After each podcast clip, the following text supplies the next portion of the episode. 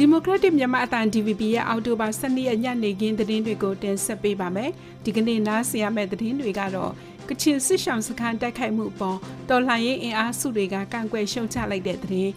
မုံလိုက်ခဲ့စစ်ဆောင်စခန်းမှာတူလှောင်ထားတဲ့ရန်တွေပောက်ကွဲခဲ့တာလို့စစ်ကောင်စီကပြောတဲ့အပေါ် KIO ကတုံ့ပြန်လိုက်တဲ့သတင်းပဲခူးမှရေပြန်ကျသွားပေမဲ့လဲလှဲကူးမှာတော့ရေဘေးသင့်ပြည်သူတထောင်ကျော်အကူအညီလိုအပ်နေတဲ့သတင်းတွေနားဆင်ကြရမှာပါ မုံလိုက်ခက်ကချင်စစ်ပေးရှောင်စခန်းကိုစစ်ကောင်စီရဲ့အကြမ်းဖက်တိုက်ခိုက်မှုနဲ့ပတ်သက်ပြီး CRPH NUG NLD KNU DPNS အပါအဝင်တော်လှန်ရေးအင်အားစုတွေတိုင်းရင်းသားဖွဲ့တွေနဲ့နိုင်ငံရေးပါတီတွေကအပြင်းထန်ကန့်ကွက်ရှုတ်ချလိုက်ပါတယ်။အော်တိုဘာ9ရက်ည7:00နာရီခွဲလောက်မှာစစ်ကောင်စီတပ်ကဘုံကျဲတိုက်ခိုက်ခဲ့တာကြောင့်ကချင်ပြည်နယ်လိုင်ဇာမြို့အနီး မုံလန်ခက်စစ်ရှောင်းစခန်းကကိုဝန်ဆောင်အမျိုးသမီးနဲ့ကလေးငယ်ပါဝင်29ဦးသေဆုံးခဲ့ပြီး58ဦးဒဏ်ရာရရှိခဲ့တာပါ ဒီဖြစ်ရတဲ့ပတ်သက်ပြီးဝမ်းနည်းကြေကွဲရတဲ့အကြောင်းအကြမ်းဖက်အာဏာသိမ်းစစ်တပ်ရဲ့အယက်သားပြည်သူတွေပေါ်လူမဆန်တဲ့အကြမ်းဖက်မှုတွေဆက်လက်ကျူးလွန်နေတာတွေကိုပြင်းပြင်းထန်ထန်ကန့်ကွက်ရှုံချတယ်လို့ပြည်တော်စုလွှတ်တော်ကိုစားပြုကော်မတီ CRPH ကကြေညာပါတယ်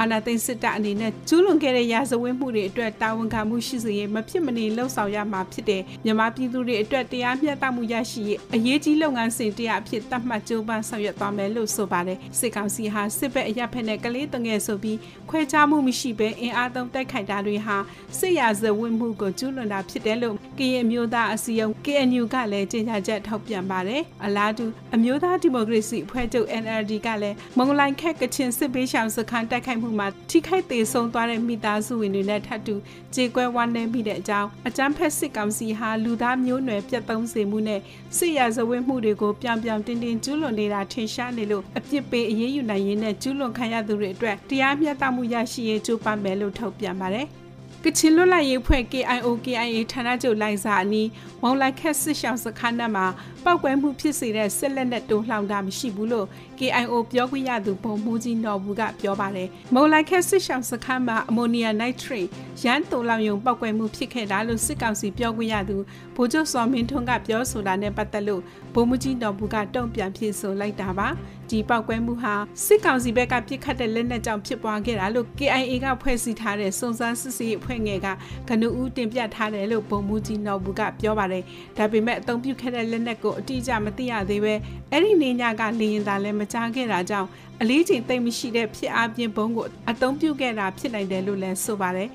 မြန်မာပြည်တွင်းပဋိပက္ခတွေနဲ့မလုံခြုံမှုတွေကြောင့်စစ်ပေးရှောင်ပြည်သူ18000လောက်နေရစွန့်ခွာထွက်ပြေးခဲ့ရတယ်လို့ကုလသမဂ္ဂလူသားချင်းစာနာမှုဆိုင်ရာညှိနှိုင်းရေးယုံ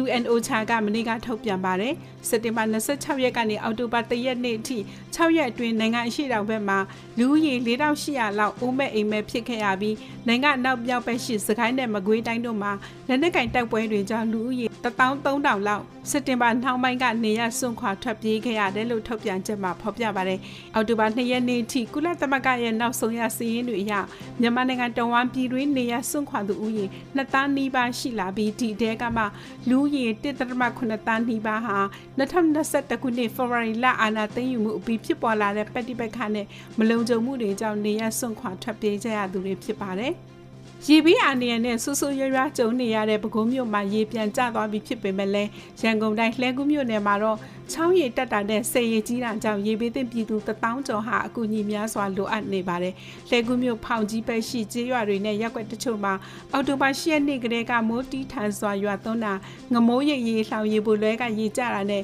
ငမိုးရိပ်ချောင်းရေတက်တာကြောင့်ရေကြီးရေရှမ်းနေတာပါ။